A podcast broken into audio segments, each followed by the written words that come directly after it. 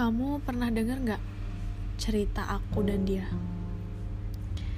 Jadi gini, aku itu dulu pernah deket sama orang, and I believe him so much.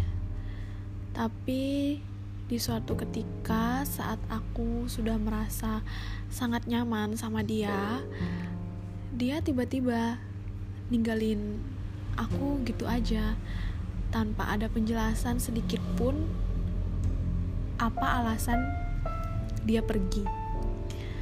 Dari sana aku jadi berpikir sepertinya untuk percaya dengan laki-laki itu susah.